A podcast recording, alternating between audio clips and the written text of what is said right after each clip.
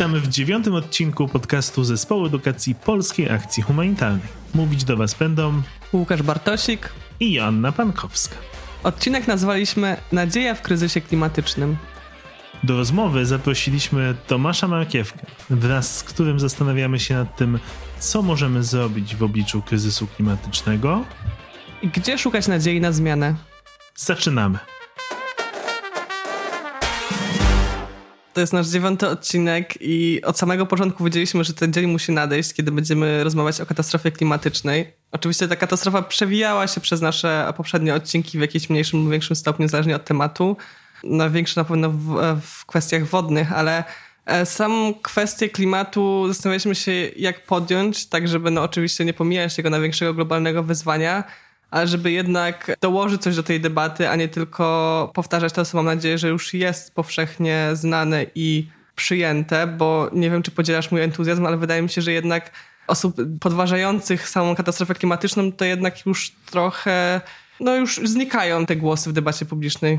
Trudno powiedzieć, bo myślę, że te głosy są z mojej perspektywy obecne, ale to zależy jak bardzo głośne są i myślę, że może właśnie ilościowo jest ich mniej, ale ale wciąż trudno nam przyjąć chyba tak w 100% przejąć tą debatę na inne tory i rozmawiać o tym, co zrobimy, jak, niż y, jeszcze tutaj się energię naszą zużywać do tego, żeby, żeby tłumaczyć, że zmiana klimatu następuje. Ja mam jakieś takie poczucie, że jednak mimo wszystko jest więcej tych rozmów, chociażby z powodu jakichś dokładnych rozwiązań finansowych, że to już się przesunął ten ciężar w ostatnich latach i dlatego też... E, skoro... Joanno, ty żyjesz w bańce informacyjnej. no żyję w bańce informacyjnej, to na pewno, no. ale też w tej samej bańce jeszcze niedawno trzeba było poświęcać bardzo dużo energii na to, żeby przekonywać, że ten klimat się zmienia i że, no, że tym powodem zmiany klimatu jest działalność e, ludzi. Teraz już e, jednak to jest punkt wyjścia, wydaje mi się, bardzo wielu rozmów. Twoich rozmów. Dobrze, to wysyłajcie nam kartki pocztowe z waszymi doświadczeniami o tym, czy musicie jeszcze przekonywać do istnienia zmian klimatu i do katastrofy klimatycznej, czy już dyskutujecie o czymś innym. Tymczasem my, zastanawiając się nad tym, e, jak ugryźć ten temat, zaczęliśmy czytać książki. I spadła nam z nieba książka, która niedawno zresztą została opublikowana i z autorem tej książki będziemy dzisiaj rozmawiać. Za chwilę do niego przejdziemy, ale właśnie ta książka była dla nas główną inspiracją do tego, aby porozmawiać o zmienianiu świata, które wbrew pozorom nie odbywa się po raz pierwszy. I wbrew pozorom wyzwania rzędu katastrofy klimatycznej zdarzały się ludzkości wcześniej.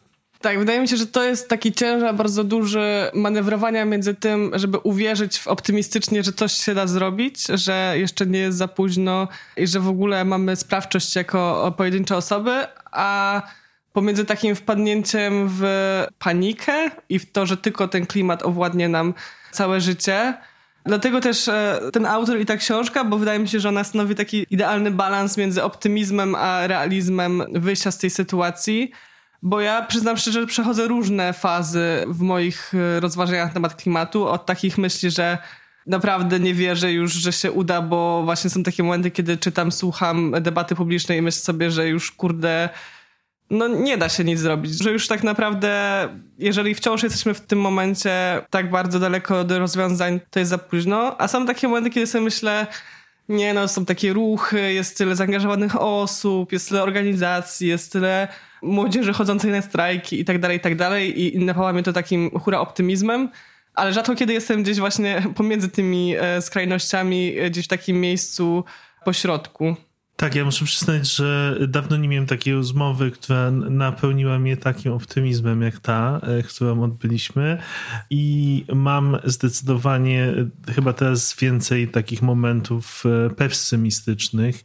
I to nie tylko w kontekście kryzysu klimatycznego, ale też innych globalnych wyzwań, które wydają mi się skomplikowane, nierozwiązywalne, albo przynajmniej mam wrażenie, że nieraz nie ma woli do tego, żeby w ogóle podjąć te wyzwania. Wolimy żyć w takich iluzjach. Natomiast y, dopadają mnie też takie myśli coraz częściej, że to jest wszystko kwestia perspektywy, jaką przyjmiemy. Jak rozszerzamy sobie to na, na dłuższe okresy, to łatwiej nam często powiedzieć, że wiele rzeczy się zmieniło. No ja myślę, że też pandemia była takim szczynkiem do najpierw tego, żeby uwierzyć, że ogromne zmiany są możliwe, bo rzeczywiście z powodu pandemii z, dnia na dzień weszliśmy w zupełnie inny tryb bycia, życia. I na początku miałam taki hura optymizm, że no jeżeli przy pandemii to się udało, że, że ludzie naprawdę z dnia na dzień zmienili swoje życie, to przecież przy klimacie, jeżeli uwierzymy zbiorowo, że jest tak samo poważna sytuacja, jeśli nie bardziej, no to, to też się uda. Potem były różne etapy podczas tej pandemii, kiedy bardziej lub mniej w to wierzyłam, ale e, wydaje mi się, że to, to, to było też takie ciekawe ćwiczenie ze zbiorowej wyobraźni, co można tu też mam różne momenty. Czasem sobie myślę, że tak, to nam pozwoliło wyobrazić sobie, jak może wyglądać świat y, około pandemiczny i około katastroficzny, ale z drugiej strony zobaczymy. Wydaje mi się, że to, co się stanie po bezpośrednio pandemii, pokaże nam, jak bardzo, e, jak bardzo wyciągamy z tego wnioski. No i o to między innymi, ale też wiele innych rzeczy spytaliśmy naszego już wspomnianego gościa. Jest to Tomasz Markiewka, filozof, publicysta, tłumacz. Jest to też wykładowca na Uniwersytecie Mikołaja Kopernika e, u nas po sąsiedzku w Toruniu. I jego najnowsza książka nosi tytuł Zmienić świat raz jeszcze, jak wygrać walkę o klimat. To stało się przyczynkiem do, do naszego zaproszenia i naszej rozmowy, więc może przejdźmy już do niej. Tak, będziemy ją dawkować wam, czyli będziemy fragmentami przysłuchiwać się jej i czasem uzupełniać to, co w niej pada, więc e, zapraszamy teraz na wprowadzenie i na fragment numer jeden. Tomasz Markiewka, publicysta, pracuje na Uniwersytecie Mikołaja Kopernika w Toruniu i uczę filozofii. No właśnie, i co filozofia ma do zaproponowania w debacie na temat klimatu? Dlaczego w ogóle filozof się tym zajmuje? Wydaje mi się, że myśmy weszli w pewien etap dyskusji o kryzysie klimatycznym, na którym potrzebujemy humanistów, bo na tym pierwszym etapie potrzebowaliśmy przede wszystkim ekspertów czy ekspertek od klimatu i oni swoją pracę wykonali bardzo dobrze. Tak naprawdę wykonali ją już jakieś 40 lat temu, bo mniej więcej od 40 lat wiemy, że klimat się ociepla, że ociepla się w wyniku działalności człowieka i że skutki mogą być katastrofalne. I na szczęście wokół tego buduje się dosyć duży konsensus publiczny. Jest coraz mniej osób, które wprost zaprzeczają tym naukowym tezom. I teraz nadszedł czas na etap drugi, gdzie zaczniemy się zastanawiać, okej, okay, kryzys klimatyczny istnieje i co w związku z tym? Co mamy zrobić? Jak mamy zmienić nasze społeczeństwa?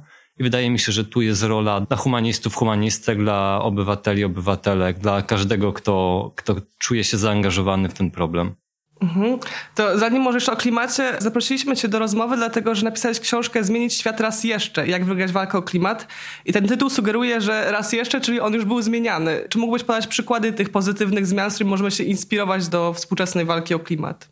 Właśnie mnie zależało na tym, żeby podkreślić, że to nie jest tak że my po raz pierwszy musimy się zmierzyć z tego rodzaju wyzwaniem, bo istnieje też taki trend pesymistyczny, że to się nie uda, bo wyzwanie jest tak duże, a ludzkość jest tak beznadziejnym gatunkiem, że nie ma szans, żeby to się udało. No więc ja przypominam, że w wielu punktach naszej historii myśmy dokonali dużych zmian. Na przykład wyobraźmy sobie, że na początku XX wieku mówimy komuś, że nastanie świat, w którym istnieje 8-godzinny dzień pracy, a nie 16-godzinny. Świat, w którym kobiety mają prawa wyborcze. Nie dość, że mają prawa wyborcze, to czasem zostają, nie wiem, prezydentkami i premierkami różnych krajów. Świat, w którym edukacja jest powszechna, nie jest zarezerwowana dla garstki garstki społeczeństwa, świat, w którym, nie wiem, podstawowe sprawy związane z higieną i tak dalej, przynajmniej w tych krajach e, zachodnich są powszechne. I to taka osoba na początku XX wieku powiedziałaby nam, że to jest niemożliwe, że to jest jakaś utopia, że to jest nieprawdopodobne, że tak się świat zmieni, a jednak się tak zmienił. To jest jeden element, ale drugi, o którym należy pamiętać, że on się nie zmienił sam siebie.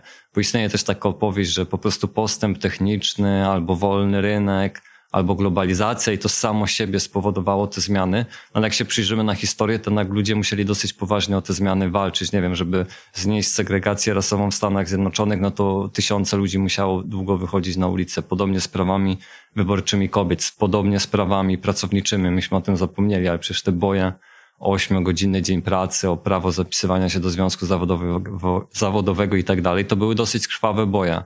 Y, w których ginęli ludzie. Więc ważne jest dla mnie, żeby pamiętać o tych dwóch elementach, że myśmy zmieniali świat, to po pierwsze, a po drugie, że ta zmiana zawsze wymagała zbiorowej mobilizacji, nie przychodziła sama siebie. Ludzie musieli tą zmianę sobie wydrzeć. Zarówno w tej książce, ale też wydaje mi się, że w poprzedniej Ogniewie mówisz dużo o tym upolitycznianiu kwestii. I e, wydaje mi się, że to, znaczy zresztą sam też o tym piszesz, że ten polityczność jest rozumiana jako takie coś złego w Polsce, ale nie tylko w Polsce, zresztą w współczesnych zachodnich e, społeczeństwach. Chciałabym, żebyś e, trochę powiedział o tym, jak ty rozumiesz tą polityczność i jak ją różnisz od partyjności, bo wydaje mi się, że to nie jest powszechnie wiadome rozróżnienie. No rzeczywiście, kiedy my myślimy o polityce i polityczności, to pierwsze, co nam przychodzi do głowy, to partie polityczne, i kłótnie partyjne w Sejmie. Wszyscy się stajemy trochę takimi Adasiami Miałczyńskimi z Dnia Świra. Tam jest taka znamienna scena, kiedy on ogląda w telewizji, jak się kłócą politycy w Sejmie. I on nawet nie słyszy poglądów tych polityków, on tylko słyszy, że jeden polityk mówi, że moja prawda jest mojsza, a drugi polityk odpada nie, bo to moja jest mojsza. I pewnie my wszyscy po trochę jesteśmy takimi Adasiami Miałczyńskimi. Jak słyszymy słowo polityka, to wyobrażamy sobie polityków w Sejmie i wyobrażamy ich sobie właśnie tak jak Adaś Miałczyński, jako ludzi kłócących się nie wiadomo o, o co. Więc ja staram się przypomnieć, że polityka w takim szerszym znaczeniu, o którym często przypominają filozofowie, to po prostu dyskusja o tym, jak my chcemy ukształtować nasze społeczeństwa. I ta dyskusja nie sprowadza się tylko do tego, co robią politycy w Sejmie, ale sprawdza się do tego, co my robimy jako obywatele i obywatelki naszych, naszych państw. Więc nie wiem, kiedy sufrażystki wychodziły na ulicę walczyć o prawa wyborcze dla kobiet, to była polityka. Kiedy Martin Luther King przemawiał w imieniu praw czarnoskórych, to była polityka. Kiedy pracownicy protestowali w fabryce, bo chcieli, nie wiem, uzyskać prawo do zakładania związku zawodowego, to była polityka. Kiedy, nie wiem, kobiety wychodzą na ulicę w Polsce protestować przeciwko decyzjom rządu, to też jest polityka, więc warto o tym pamiętać, że polityka nie sprowadza się tylko do tych ludzi, którzy są w Sejmie czy Senacie. Mhm, ty właśnie podkreślasz to rozróżnienie, że możemy dużo zmienić jako obywatele, obywatelki, a nie jako konsumenci, konsumentki. I tu muszę przyznać, że o ile zgadzam się z tą główną myślą, że może niekoniecznie pojedyncze wybory konsumenckie zmienią świat, to jednak miałam, czytając tą książkę, takie momenty, kiedy sobie myślałam, no dobra, ale jednak może ten weganizm to jednak jest ważny. Albo może jednak te, żeby nie latać co tydzień e, po świecie, to może jednak zupełnie to anulujmy to jako, jako ważne działanie. I chciałam ci powiedzieć, że trochę powiedział o tym więcej, dlaczego uważasz, że, że niekonsumpcyjne wybory i czy rzeczywiście wszystkie niekonsumenckie wybory, czy są takie, które jednak coś zmienią? Wybory konsumenckie są oczywiście ważne, ale ja kładę nacisk na to, że ważne jest e, tło społeczne, w którym te, tych wyborów dokonujemy, bo na przykład super byłoby, gdybyśmy mniej korzystali z samolotów, szczególnie na mniejsze dystanse. Tylko na ten problem można patrzeć na dwa sposoby, że albo ja jako indywidualny konsument poświęcę się i będę mniej latał, albo na przykład państwo zainwestuje w połączenia kolejowe i sprawi, że ja będę miał wygodne połączenia kolejowe i nie będę musiał korzystać samolotów. To przede wszystkim w obrębie kraju, ale też na przykład w obrębie Europy, bo można tak rozbudować połączenia, że da się bezproblemowo dojechać powiedzmy z Polski do Berlina, z Berlina do Paryża i to będzie atrakcyjna alternatywa dla ludzi. A jeszcze lepiej to pewnie widać z samochodami, bo znowu można wymagać od poszczególnych osób, ty się poświęć, nie wiem, kup y, samochód elektryczny albo w ogóle zacznij jeździć rowerem, a można ludziom powiedzieć, proponujemy Wam alternatywę, na przykład w każdej wsi połączenia autobusowe albo wszędzie będą dojeżdżały pociągi, będą w miarę tanie i będzie można liczyć na to, że one dojadą na czas. Więc wybory konsumenckie tak, ale chodzi o to, żeby to państwa, poszczególne państwa czy różne organizacje międzynarodowe stwarzały warunki do tego, że nam się pewne wybory konsumenckie opłaca podejmować, a inne przestają być takie atrakcyjne jak dotychczas. Bo jeżeli my to zrzucimy na jednostki, jeżeli każdy sam siebie będzie się musiał poświęcić, no to zaczną wychodzić różne niepokojące rzeczy. Na przykład się okaże, że wielu ludzi nie stać na samochód elektryczny, że wiele osób chciałoby może, nie wiem, podróżować po Europie pociągiem, ale to jest bardzo niewygodne i bardzo drogie, więc jednak wybierają tańszy i wygodniejszy samolot, że wiele osób może by i chciało jeść więcej produktów wegańskich, ale dostęp do nich jest utrudniony, są one zbyt drogie i, i nie wszędzie dostępne. Więc wybory konsumenckie jak najbardziej są istotne, bo ostatecznie to się trochę sprawdza do tego, co my konsumujemy. To znaczy rozmowa o kryzysie klimatycznym się do tego sprowadza i my potrzebujemy konsumować mniej mięsa, używać mniej samochodów i mniej samolotów. Tylko rzecz w tym, że potrzebujemy struktury społecznej, która ułatwi nam podejmowanie tych dobrych decyzji, a nie zrzucania tej odpowiedzialności na poszczególnych konsumentów. Bo oczywiście, jeżeli ktoś się decyduje na takie poświęcenie, to super, ale nie ma co liczyć na to, że kilka miliardów ludzi, ludzi na świecie zdecyduje się na takie poświęcenie, bo niektórych po prostu nie stać. Okej, okay, to ja się przyczepię jeszcze do tego weganizmu. Jak twoim zdaniem te zmiany polityczne mogłyby w tej kwestii przebiegać? No bo o ile właśnie w środkach transportu i wielu innych rzeczy jestem w stanie sobie wyobrazić, ale na przykład w wyborach dietetycznych ciężko mi wyobrazić sobie polityczne, no chyba, że jakieś dofinansowanie, nie wiem jak to, jak to widzisz. No na przykład e, subwencje e, na niektóre produkty mogłyby e, sprawić, że niektóre będą tańsze. Wiemy, że ludzie często się kierują tym, czy coś jest tańsze, czy coś jest droższe, więc jeżeli te produkty wegańskie będą trochę tańsze niż mięsne, to nie sprawi samo siebie, że ludzie przestaną jeść mięso czy produkty odzwierzęce, ale zachęci jakąś część ludzi, żeby częściej po te produkty wegańskie sięgać. Też pewnie, jeżeli na przykład mówimy o posiłkach w szkołach, to byłoby dobrze, żeby te posiłki były jak najbardziej wegańskie, też żeby ludzi przyzwyczaić do tego, bo my skądinąd wiemy, że z jedzeniem jest często tak, że my się musimy do pewnych pokarmów przyzwyczaić, że czasem, kiedy pierwszy raz coś spróbujemy, to to nam nie smakuje, dopiero za którymś razem zaczyna nam smakować i my żyjemy w kulturze ludzi bardzo przyzwyczajonych do mięsa do czegoś, e, co jedzą od dzieciństwa, więc fajnie byłoby też przyzwyczajać dzieci w szkołach od, od dzieciństwa, że jest coś takiego jak produkty wegańskie że to może być też smaczne. Więc różne tego typu działania mogą doprowadzić do tego, że coraz więcej ludzi będzie po te produkty sięgało, no bo to się nie stanie z dnia na dzień. Nie ma, nie ma co liczyć na to, że nagle kilka miliardów ludzi stwierdzi z dnia na dzień, że nie chce jeść produktów odzwierzęcych, ale stopniowo można wysyłać kolejne bodźce, które będą zachęcały do tego, żeby coraz więcej osób po te produkty produkty sięgało. Chociaż zgadzam się, że ten problem jedzenia to pewnie jest najpoważniejszy problem i najtrudniejszy orzech do zgryzienia, że tutaj zmiany będą pewnie najwolniejsze i będą wymagały najwięcej wysiłku. A jednocześnie każda najdrobniejsza zmiana jest y, pójściem w dobrą stronę, bo też nie powinniśmy przyjmować takiego rozumowania zero-jedynkowego, że albo wszyscy są weganami, albo to nie ma żadnego znaczenia, no bo jest jednak różnica między, nie wiem, społeczeństwem, w którym 5% osób je produkty wegańskie, a społeczeństwem, gdzie 20% ludności je produkty wegańskie. To już byłby ogromny sukces, gdybyśmy doszli do poziomu 20%, więc, więc stopniowo możemy iść w dobrym, w dobrym kierunku jak mówiliście o tym rozróżnieniu między politycznością, a jakby takimi wyborami politycznymi a konsumenckimi, to mi przychodzą do głowy też takie coś, co jest pośrednie częściowo, bo jak mówicie o, o konsumentach, to mówicie o nich w pojedynkę trochę, tak, że każdy jest, jakby poświęca się, ale jednak jest dużo takich inicjatyw, które są jakąś formą, no, są formą dla mnie polityczności, no presji na pewno, tak? Czyli zmobilizowanie się do tego, żeby, no żeby wywołać presję na firmy na przykład, tak? Wobec czegoś. I teraz zastanawiam się, czy we współczesnym świecie rozsądny jest fokus na państwa tak naprawdę, bo jakby ta siła jest trochę, no przynajmniej rozproszona, jeżeli bym nie powiedział, że bardziej po stronie nawet y, często korporacji, tak?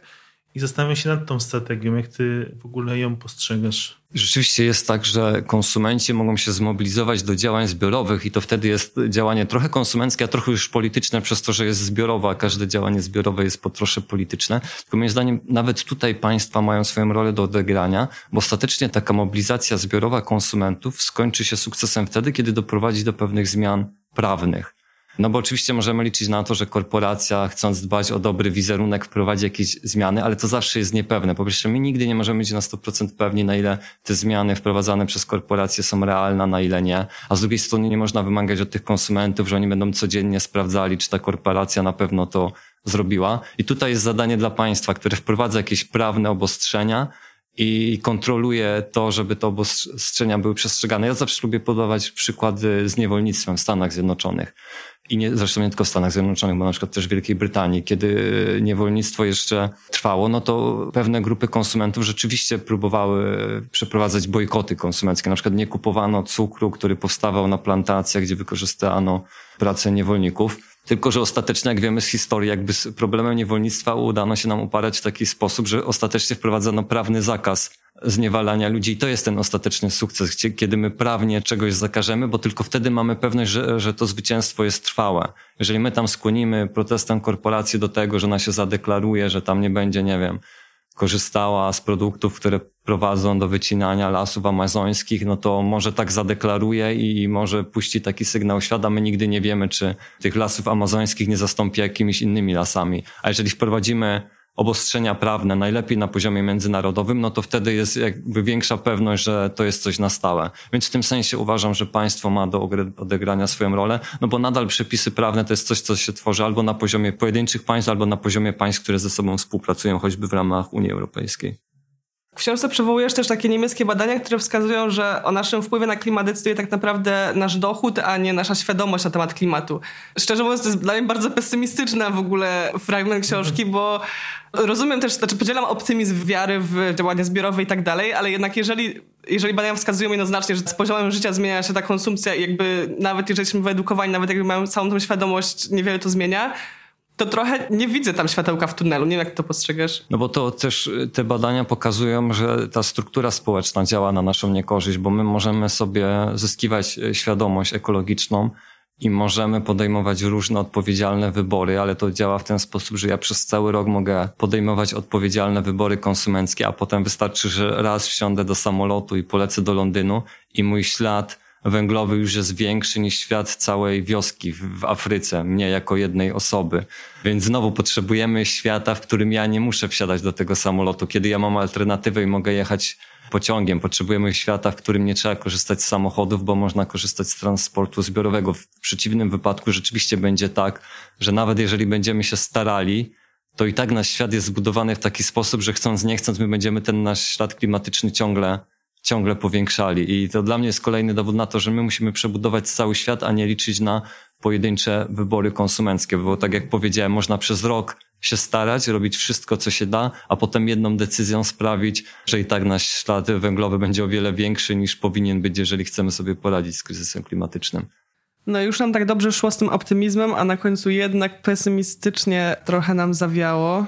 Nie, bo to jest po prostu takie ostrzeżenie, że trzeba być czujnym non-stop i nie można ani razu popełnić błędu żadnego. Tutaj jest bardzo pesymistyczna wizja tego, że, że ten jeden samolot wszystkie nasze całoroczne starania może zniweczyć, ale tak właśnie jest. I co więcej, kontynuując pesymistyczną passę, to ostatnio wyszedł taki raport e, Nie nasza wina, nie nasz problem autorstwa Przemysława Sadury, Zofii Bieńkowskiej i Piotra Drygasa, który mówi o katastrofie klimatycznej w oczach Polek i Polaków podczas pandemii. I wnioski z tego raportu są e, dość e, smutne, dlatego że po pierwsze pandemia, mimo że nie naruszyła przekonania młodych Polaków, i jak mówimy młodych, to mam na myśli 20-30-latków, o znaczeniu zmian klimatycznych, ale znacznie obniżyła gotowość tej grupy do zaakceptowania ograniczeń i właśnie zwłaszcza konsumpcji i mobilności, które są niezbędne, żeby tej katastrofie klimatycznej zapobiegać. I to w przyszłości może oznaczać bardzo duże problemy właśnie z przekonaniem do takich ograniczeń tą grupę, szczególnie, że dominowało w tym badaniu takie przekonanie, o tym, że należy sobie teraz odbić te pandemiczne ograniczenia i właśnie być może latać jeszcze więcej niż wcześniej. Druga rzecz, która wybrzmiewała z tego raportu, też trochę rymuje się z tym, co mówił nasz gość, to znaczy takie zwalanie na siebie nawzajem różnych klas społecznych. To znaczy, te uprzywilejowane klasy społeczne mówią, to nie my, my jesteśmy świadomi, to oni mają e, piece i palą e, złe rzeczy, a nieuprzywilejowane grupy społeczne mówią, no my nie latamy, my nie, nie żyjemy tak bogato i nie zużywamy tak dużo zasobów. No i oczywiście pewnie prawda jest... E, Prawdy nie ma. nie no, może prawda nie jest to takie jednoznaczna, ale, ale tak pokazują te niemieckie badania z książki naszego gościa, jednak ta konsumpcja zależy od zasobów, bo siłą rzeczy mając więcej zasobów finansowych e, konsumujemy znacznie, znacznie więcej, chociażby właśnie przez podróże, przez większe zakupy, przez większe domy, które zużywają więcej ogrzewania, więcej prądu i tak dalej. Tu mi się przypominają e, te wszystkie zestawienia takie, ile planet by potrzeba było, gdybyśmy wszyscy żyli tak jak e, Amerykanie. Amerykanie na przykład, to chyba z pięć planet by potrzeba było, Duńczycy to tam z cztery i pół.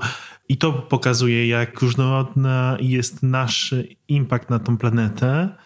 No i że ta odpowiedzialność jest różna pewnie, chociaż konsekwencje będą nas wszystkich dotykać. Niekoniecznie też porówno, bo właśnie ci bogatsi mogą mieć lepsze zabezpieczenia przed nimi, ale jednocześnie jest to bardzo konkretne, globalne wyzwanie. Zresztą do tego globalnego aspektu jeszcze w naszej rozmowie e, wrócimy, no bo to też się pojawia często w rozmowach politycznych, e, na szczytach różnych i między państwami, szczególnie w negocjowaniu jakichś obniżek emisji, Ale też wydaje mi się, że w Polsce mamy takie przeświadczenie, często pada ten argument taki, że o, oni tacy mądrzy tam w tej zachodniej Europie, bo oni się już tam latali, na wyjeżdżali na wakacje na Zanzibar i teraz chcą nam zabronić, tak? Nie możemy na pewno czekać na sytuację, w której wszyscy wyrównają poziom życia do góry, do Stanów Zjednoczonych, bo po prostu nie zdążymy. No tak, ale też pytanie, co jest z tym wyrównywaniem y, poziomu życia w, w niektórych aspektach, bo na przykład jeśli chodzi o wegetarian i wegan, to Polska przoduje w, w statystykach i europejskich i globalnych, z tego co widziałam, z takiej zmiany pozytywnej, w sensie takim, że przybywa tych, tych wegetarian i no. wegan. Ale ilościowo chyba nie. Nie no, ilościowo nie, bo oczywiście są kultury na świecie, które, to nie jest zmiana, że mają dietę roślinną jako główną dietę, ale jest ta zmiana w Polsce. Z sondaży wynika, że w 2019 roku to było około milion Polek Polaków, a teraz już 3 miliony. Właściwie ten, e, te 3 miliony to było w 2020, więc teraz możliwe, że już nawet więcej. Więc jest to bardzo, bardzo, bardzo dynamiczny przyrost. I to, co nasz gość e, podkreślał, to właśnie, że, że może nie musimy czekać na to, aż będzie całe społeczeństwo polskie, tylko że, że też powinniśmy się cieszyć z tego. No właśnie, to był jeden z takich optymistycznych aspektów tego fragmentu rozmowy, dotyczył tego myślenia o skali tego działania. Tam jest ten fragment o tym, że, że jest różnica między 5% wegan e, w społeczeństwie a 20%. A wydaje mi się, że często, tak powiem ze swojego doświadczenia aktywistycznego, często zapominamy o tym, myśląc o jakichś zmianach. To znaczy, wyobrażamy sobie zawsze taką sytuację docelową 100% i bardzo szybko się frustrujemy, że nie jesteśmy w stanie szybko dojść do tego. A tak naprawdę jest to totalnie nierealny cel, nawet. Jakby nigdy nie dojdziemy prawdopodobnie w wielu rzeczach do stuprocentowych wskaźników, ale jednocześnie widzimy, jak szybko mogą się zmienić rzeczy, i właśnie wegetarianizm i veganizm jest dla mnie takim przykładem w ciągu ostatnich lat y, bardzo dynamicznie się rozwijającym i jest czymś już o wiele bardziej oczywistym, tak społecznie, no niż kilka lat temu po prostu. No i tu też jest to, co już chyba kiedyś wspomnieliśmy w odcinku, że to nie chodzi o to, że wszyscy stali się weganami, tylko być może jeżeli każda osoba by zmniejszyła swoją konsumpcję produktów odzwierzęcych o 50%, to też byłby ogromny sukces i ogromna zmiana dla klimatu. Jest jeszcze jeden aspekt psychologiczny zrzucania tej winy na konsumentów, a patrzenia w ten sposób systemowy. Ja sama często popadam w takie samobiczowania i często łapię się na tym, że mimo, że na poziomie racjonalnym zgadzam się z tezą, że to jednak jest odpowiedzialność systemowa i że ja sama wzięciem bądź nie wzięciem worka w sklepie świata nie zbawię, to jednak mam tak, że jak czasem mi się zdarzy, że gdzieś jestem i naprawdę już, kurde, wezmę ten worek, to potem myślę o tym przez, przez dłuższą chwilę i też, nie wiem, jak gdzieś już polecę, to naprawdę się tyram z tego powodu. Ale też miałam takie sytuacje na przykład, że jechałam na konferencję, gdzie były mi zwracane koszty z instytucji unijnych i chciałam, żeby mi zwrócili koszty z Polski do Brukseli przejazdu pociągiem i to nie było możliwe. Jedyny możliwy sposób to był samolot, więc to pokazuje myślę dobrze to właśnie jak instytucje publiczne nie tylko prawem, ale też takimi praktykami mogą zmieniać, bo to też jest taka zmiana no, systemowa, ale może, może już nieprawna. No tak, to jest część według mnie tych rozwiązań, do których nasz gość namawia. To znaczy, że, że gdzieś normujemy pewne zachowania i to oczywiście może być w kwestiach takich, no nie wiem, emisji czegoś, czy właśnie infrastruktury do czegoś, albo nawet w takich mniejszych aspektach, jak powiedziałeś, że pewne środki transportu są e, subsydiowane jakoś albo rekomendowane i wtedy już jesteśmy krok do przodu. No ale y, nagadaliśmy się. Teraz wróćmy do rozmowy ponownie na trochę krótszy fragment. Kolejne pytanie e, do naszego gościa. Stawiasz jednoznacznie na rozwiązania polityczne w znaczeniu wspólnotowego działania, organizowania się ludzi. Jednak dostęp do działań politycznych i też czas, który jest potrzebny na te działania, to, to, też jest zasób, który nie jest wszystkim porówno dany. I chciałam Cię spytać o to, jak to postrzegasz w, w, tych kategoriach, to znaczy, czy po pierwsze wszystkie klasy społeczne, ale też po drugie, może jeszcze bardziej ważne, czy wszystkie kraje świata mają równy udział i równe szanse brania udziału w tej debacie o przyszłości klimatycznej i, i tego, jak politycznie ten świat sobie na nowo ułożymy. No tutaj niestety rzeczywiście jest duży problem, bo trzeba sobie powiedzieć szczerze, że ten dostęp do polityki nie jest równy. Nie jest równy zarówno w obrębie krajów zachodnich, bo osoby bogatsze mogą się bardziej angażować w politykę niż osoby biedniejsze, a tym bardziej nie jest równy, jeżeli zaczniemy myśleć o świecie w kategoriach bogate kraje północy i biedne kraje południa. No to niestety widać na przykładzie koronawirusa, gdzie poszły szczepionki zdecydowana większość szczepionek poszła do krajów bogatych, a kraje biedniejsze muszą czekać, aż te szczepionki uzyskają. No i to jest coś, co mnie bardzo martwi, bo jak sobie spojrzymy na mapki pokazujące, gdzie, w których rejonach świata wzrost temperatury będzie odczuwany najszybciej, to zobaczymy, że niestety te mapki pokazują najbiedniejsze regiony świata. Azję, Afrykę, Amerykę Południową.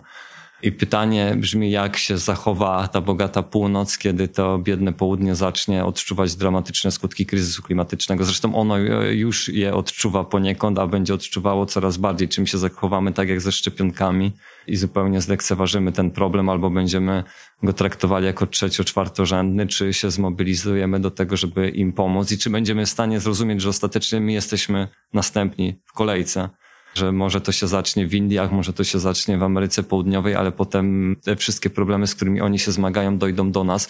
I może koronawirus coś nam jednak uświadomi, no bo ja pamiętam, że na początku, kiedy do, docierały wiadomości z Chin, no to traktowaliśmy koronawirusa na, trochę na takiej zasadzie, że to taka ciekawostka z odległej krainy, że epidemie to jest coś, co się zdarza właśnie w Chinach, gdzieś w Afryce, gdzieś w Azji, ale nie w Europie Zachodniej i nie w Polsce. No to sobie szybko uświadomiliśmy, że jednak epidemie zdarzają się też w Europie i w Polsce.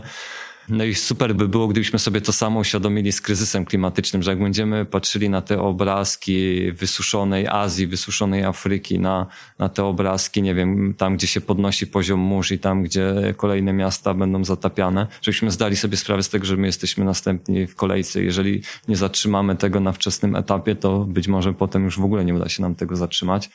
Więc to jest ten pesymistyczny aspekt tej opowieści ale pomimo tego, że polityka, że jakby moc działań politycznych jest rzeczywiście nierówno rozłożona, to i tak moim zdaniem to jest najlepszy sposób i najbardziej równy z dostępnych nam sposobów, bo znowu, gdybyśmy się do tego zabrali na sposób konsumencki, czy też rynkowy jeszcze lepiej, i próbowali to załatwić pieniędzmi, no to wtedy wracamy do problemu, że tam kilkanaście czy kilkadziesiąt osób, najbogatszych osób na świecie ma więcej pieniędzy niż cała biedniejsza połowa ludzkości, kilkadziesiąt osób ma większe majątki niż e, kilka miliardów ludzi. Więc jeżeli będziemy to rozgrywali rynkowo, no to tu w ogóle już nie ma żadnej równowagi.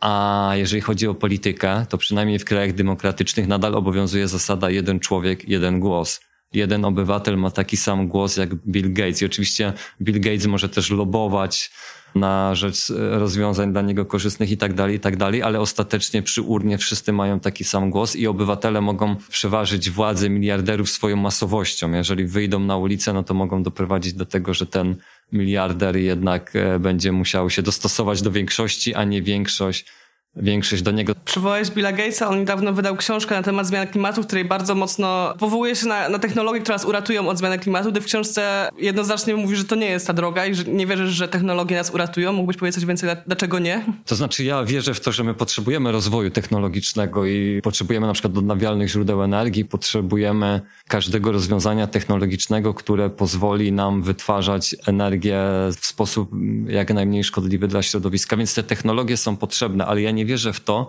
żeby technologie pomogły nam uniknąć polityczny aspekt całego problemu, bo wiele osób się w ten sposób łudzi, że po co się kłócić, po co wchodzić w polityczny spór, skoro możemy wykorzystać technologie, które są apolityczne. Technologia nie jest ani prawicowa, ani lewicowa, ani liberalna. Technologia może w ten sposób pomóc nam ominąć te wszystkie niepotrzebne polityczne spory. Ale moim zdaniem tak się nigdy nie stanie, że to jest złudzenie, że technologia jest apolityczna. To już na przykład widać przy tych dyskusjach na temat różnych pomysłów hakowania klimatu i sprawiania, że my wprowadzając e, do naszej atmosfery różne cząsteczki, będziemy tą atmosferę oziębiać.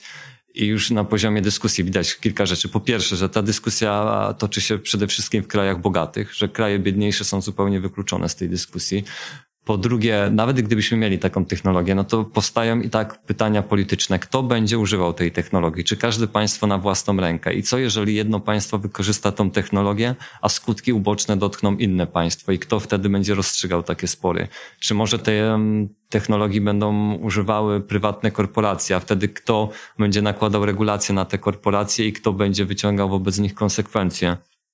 Albo być może te technologie oddamy jakimś międzynarodowym ciałom. No ale wtedy kto powoła te międzynarodowe ciała, kto będzie w nich zasiadał, jaki tam będzie bilans głosów. Więc jak sobie zadamy te pytania, no to nagle sobie uświadamiamy, że jesteśmy z powrotem w środku politycznego sporu i że ta technologia, która miała służyć do tego, żeby ominąć e, polityczne spory, na powrót nas wprowadza te polityczne spory. Więc ja jestem jak najbardziej za rozwojem technologicznym i za tym, żeby ten rozwój wykorzystywać w walce z kryzysem klimatycznym, ale nie wierzę w to, że ten rozwój pozwoli nam ominąć wszystkie polityczne dylematy, z którymi się dzisiaj zmagamy. Co najwyżej ten rozwój może sprawić, że te dylematy przesuną się w inne miejsce, ale nadal to będą te same pytania. Kto ma ponieść koszty walki z kryzysem klimatycznym? Jakie są nasze priorytety? Jak to się ma do nierówności społecznych? Co chcemy zrobić z krajami południa, które są najbardziej narażone na, na ryzyko zmian klimatu i tak dalej, i tak dalej. Te pytania pozostaną takie same w tym pierwszym fragmencie odpowiedzi na pierwsze pytanie bardzo wybrzmiał mi to zdanie o byciu następnym w kolejce, że my będziemy następni w kolejce, jak przyglądamy się różnym e, procesom, które dzieją się na świecie, które wydają nam się być może w tej chwili egzotyczne, tak jak kiedyś epidemia wydawała nam się egzotyczna, a teraz okazało się, że, że jest bardzo globalna.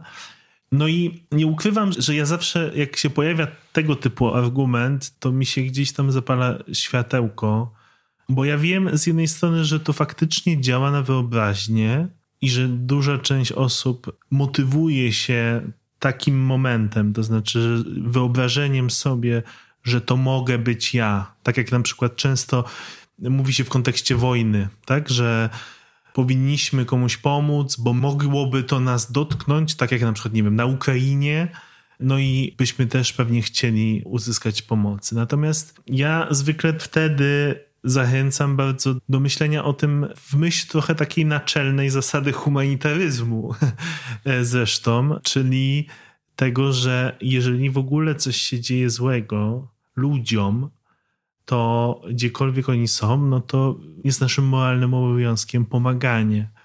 I to jest dla mnie też taka myśl, która pozwala mi motywować się do działania i która też, wydaje mi się, może być motorem do działania już teraz. To znaczy, że my nie musimy czekać na to, że za chwilę będziemy mieć coraz więcej obrazów, nie wiem, z Indii, Demokratycznej Republiki Kongo czy Chile o tym, że coś się dzieje i czekać na to, że, że to dotrze do Polski. Tak jak czekaliśmy trochę, szczerze mówiąc, znaczy tak jak obserwowaliśmy tą sytuację w przypadku pandemii, ale ponieważ wiem, że takie rzeczy się dzieją już na świecie, to chcę działać, żeby one się nie działy, bo wszyscy jesteśmy ludźmi bez względu na to, gdzie żyjemy. I taka perspektywa jest dla mnie osobiście trochę bardziej przekonująca i trochę bardziej motywująca, chociaż oczywiście nie jest taka naoczna nie jest taka działamy, bo widzimy, bo wyobrażamy sobie konsekwencje, tylko nawet jeżeli nie jesteśmy w stanie sobie do końca tego wyobrazić, to i tak podejmujemy działanie. Ale wydaje mi się, że nie musimy sobie wyobrażać, no bo też bardzo zachęcamy do zmiany czasu z przyszłego na teraźniejszy i nie zadawanie pytania, jak się zachowamy, tylko jak się zachowujemy teraz, no bo katastrofa klimatyczna już teraz dotyka bardzo wielu miejsc na świecie i Oczywiście to będzie się nasilać i będzie się pewnie kryzys e, pogłębiał, ale te opowieści o podwyższającej się temperaturze, o braku wody, o ziemi, która już nie daje plonów, o tym, że trzeba skądś uciekać dlatego, że po prostu już jest za, za ciepło, bądź e, jest za małe zasoby, na przykład właśnie te wodne, to jest jak najbardziej czas teraźniejszy i to są bardzo często też właśnie miejsca, w których Polska Akcja Humanitarna działa współcześnie, starając się chociażby zmniejszać tą ilość cierpienia wywołaną katastrofą klimatyczną. Wydaje mi się, że to jest trudny manewr, żeby skupić się na tym, co się dzieje już teraz, dlatego, że to się dzieje bardzo daleko i dlatego też, że nie wpływa bezpośrednio na nas ale wydaje mi się, że w takiej rozmowie właśnie o polityczności tego i etyczności globalnych zachowań, no to to jest kluczowe, bo jeżeli my będziemy czekać i tylko patrzeć na ten nasz wycinek, no to popełnimy trochę te same błędy, które doprowadziły nas do tego kryzysu. Znaczy patrzenie na to bardzo partykularnie i lokalnie na planecie, która nie, nie szanuje natura naszych e, politycznych granic, które sobie palcem na mapie wyznaczyliśmy. Więc e, to jest duże wyzwanie, ale nie trzeba sobie go wyobrażać, bo wystarczy po prostu zacząć szukać tych informacji o tym, jak to wygląda w wielu krajach już obecnie. No tak, oczywiście. To jest na pewno podstawa, żeby się interesować i patrzeć i nie odwracać wzroku i być może też nie traktować tylko tego jako sekundy odruchu serca i zapominam, tylko po prostu właśnie przyglądać się temu, co się dzieje. Natomiast no, wydaje mi się, że ta rama, którą przyjmujemy, to znaczy dopóki my będziemy myśleć tylko o tym, że to jest problem wtedy, kiedy to nas dotyka, no to będziemy czekać na jakieś rzeczy, które nam bezpośrednio wywołują u nas konieczność reakcji. To znaczy, tak było w sytuacji uchodźczej, tak, że wiele osób się motywowało dopiero wtedy, kiedy mówiło się, że trzeba ludziom pomóc, bo oni przyjadą do nas i my będziemy mieć problem. I wtedy nagle się motywowali, żeby pomagać, żeby oni zostali u siebie, tak? Albo zostali w innym regionie świata. I to jest no, dla mnie etycznie wątpliwa motywacja. Znaczy, ale mówię to bardzo jakby osobiście, ale wiem, że jest ona skuteczna też jakby dla ludzi często. Ale jeżeli wykażemy chociaż odrobinę no, zainteresowania tym, co się dzieje na świecie, to zobaczymy, że są regiony świata, nie wiem, chociażby Somalia, Etiopia, takie kraje, w których e, były klęski głodu spowodowane zmianami klimatycznymi, zmianami, jakby takim miksem polityczno-klimatycznym, bym powiedział, że ludzie nie mają dostępu do wody często, bo korzystają ze zbiorników do, do wody, a ten deszcz nie przychodzi wtedy, kiedy do tej pory przychodził, że mamy plagi, nie wiem, szarańczy, które atakują, no to szczególnie widać w kontekście odżywiania, jedzenia, stabilności, że pojawiają się albo wracają choroby, których wcześniej nie było w danym miejscu. I to są jakieś symptomy, które się pojawiają na świecie i które wskazują, że, że zmienia się świat, zmienia na naszych oczach. Przy tej okazji rozmów o klimacie też ten temat uchodźczy się pojawia, bo bardzo często jesteśmy straszeni uchodźcami klimatycznymi, uchodźczyniami klimatycznymi, że właśnie będzie ich coraz więcej, że, że będą przychodzić i to jest prawda. Jak najbardziej to zjawisko będzie się nasilać, bo to jest jakby naturalna konsekwencja tego, że pewne części świata są coraz mniej przystosowane do tego, żeby życie tam było, żeby ludzie tam żyli. Tylko ponownie, czy jeżeli tylko to nas motywuje, że ktoś tu przyjdzie, no to tak naprawdę tak, tak wspomniałeś, no to jest bardzo wątpliwe miejsce etyczne do rozpoczęcia tej dyskusji i też znowu bardzo egocentryczne, bo znowu jakby tylko nasz komfort powoduje, że możemy się zainteresować losem innych ludzi. A prawda jest taka, że większość uchodźców, uchodźczyń, czy klimatycznych, czy nieklimatycznych, nie przyjeżdża do Europy, nie przyjeżdża do Polski na pewno. Zostaje bardzo blisko swojego miejsca zamieszkania, najbliżej gdzie się da, tak żeby było już bezpiecznie. Często to są osoby wewnętrznie przemieszczone, które nawet nie przekraczają żadnych granic państwa, po prostu przenoszą się do innego regionu, który jest e, w trochę lepszym stanie, albo do kraju ościennego, więc po pierwsze wątpliwa motywacja etyczna, a po drugie też nie wiem, czy w tym strachu nadchodzącymi uchodźcami jest też trochę zakłamania, bo tak naprawdę to nie będzie tak, że, że oni wszyscy teraz z całego świata się spakują przyjadą do Europy. Pytanie, czy my będziemy się interesować tymi obozami dla uchodźców i osób wewnętrznie przesiedlonych, które są na innych kontynentach i które wydaje mi się też mają moralnie obowiązek wspierać, gdyż one są powstają też e, częściowo właśnie przez te mm, zmiany klimatyczne, które my wywołujemy tutaj. Prawie ostatnie pytanie, przedostatnie właściwie, to pytanie o nasz ulubiony temat, e, czyli język i to w jaki sposób ten język debaty publicznej wpływa na nie tylko na klimat, ale też nasze wyobrażenia o przyszłości. No, nasz język jest taki bardzo podporządkowany dialektowi ekonomicznemu, że my jak zaczynamy rozmawiać o świecie w takim wymiarze globalnym kiedy zaczynamy się zastanawiać nad takimi najbardziej podstawowymi pytaniami, w którą stronę zmierza świat, albo czym jest rozwój, albo jak będzie wyglądała nasza przyszłość, to od razu wpadamy w język ekonomiczny, zaczynamy mówić o PKB, o wzroście gospodarczym, o procesach rynkowych. I warto sobie uświadomić jedną prostą rzecz, że język żadnej dyscypliny nie jest w stanie opisać złożoności całego świata. Język ekonomiczny jest użyteczny w pewnych sferach, ale nie da się za pomocą języka ekonomii opisać całego świata czy całej rzeczywistości. My potrzebujemy innych języków. Więc okej, okay, zastanawiajmy się nad wzrostem gospodarczym, ale jednocześnie zdajemy sobie sprawę z tego, że nie da się całego świata sprowadzić do wzrostu gospodarczego. I to szczególnie widać właśnie w takich sytuacjach kryzysowych, bo na przykład, nie wiem, jeżeli w jakieś miasto nawiedzi tsunami i zniszczy to miasto, to potem jak będziemy odbudowywali to miasto, to wskaźniki PKB podskoczą do góry. No ale to nie znaczy, że zda, zdarzyło się coś dobrego, bo wskaźniki PKB idą do góry. Albo nie wiem, gdyby zginęła biedniejsza połowa ludzkości, to PKB w przeliczeniu na osobę wzrośnie, no bo ta biedniejsza połowa ludzkości odpada, ale to nie znaczy, że dokonaliśmy jakiegoś postępu, więc na takich skrajnych przykładach widać, że język PKB parę rzeczy pokazuje, ale paru zupełnie, zupełnie nie widać. I to jest szczególnie ważne, kiedy mówimy o zmianie klimatu, bo też pojawiają się takie propozycje, że przecież z punktu widzenia PKB to nawet wzrost temperatury o tam powiedzmy 3 stopnie nie jest taki zły, bo nadal to PKB będzie rosło, tylko że no może nie wiem, rzeczywiście PKB będzie rosło, ale co z tego, skoro na przykład cała Holandia zostanie zalana i co my wtedy pójdziemy do tych kilku milionów Holendrów, pokażemy im wskaźniki PKB i powiemy, żeby się nie przejmowali, bo z punktu widzenia globalnego PKB nic takiego się nie stało. Na tego typu skrajnych przykładach widać, że ten język jest bardzo ograniczony, ten język ekonomiczny i nie da się za jego pomocą opowiedzieć całego świata, więc ja jestem za tym, żeby ten nasz język poszerzać na przykład o kategorie moralne, żeby na przykład mówić nie o PKB, ale o cierpieniu i unikaniu cierpienia, mówić nie o PKB, ale o, o tym, czym jest albo czym nie jest dobre życie i tak dalej, i tak dalej, bo myśmy to jako ludzkość już wielokrotnie robili, ale trochę o tym jakby zapomnieliśmy.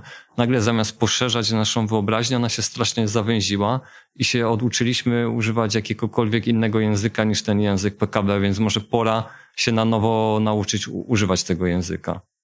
Tak, ja mam jeszcze y, takie pytanie, które nam zawsze zadają na warsztatach w tematach globalnych. To znaczy, co my mamy z tym zrobić? W sensie ja tu jestem małym trybikiem w ogromnej machinie, jest bardziej depresyjnie niż było. Ja już teraz wiem, że będzie jeszcze gorzej. Może było kiedyś w historii takie przewroty, ale to byli jacyś wielcy liderzy, którzy poruszali tłumy, a tutaj nie widać na horyzoncie żadnego na białym koniu, więc no tak z perspektywy ludzi wokół nas, od tych młodszych po tych starszych, gdzie spożytkować swoją energię, no, która jest też jakimś skończonym zasobem trochę. Rzeczywiście, jak sobie wyobrazimy każdy z osobna siebie samego w obliczu tego wielkiego zagrożenia, to pojawia się takie poczucie bezradności, beznadziei, że co ja właściwie mogę zrobić z tym przeogromnym problemem, z którym nie mogą sobie poradzić e, nawet, nie wiem, ludzie rządzący poszczególnymi krajami.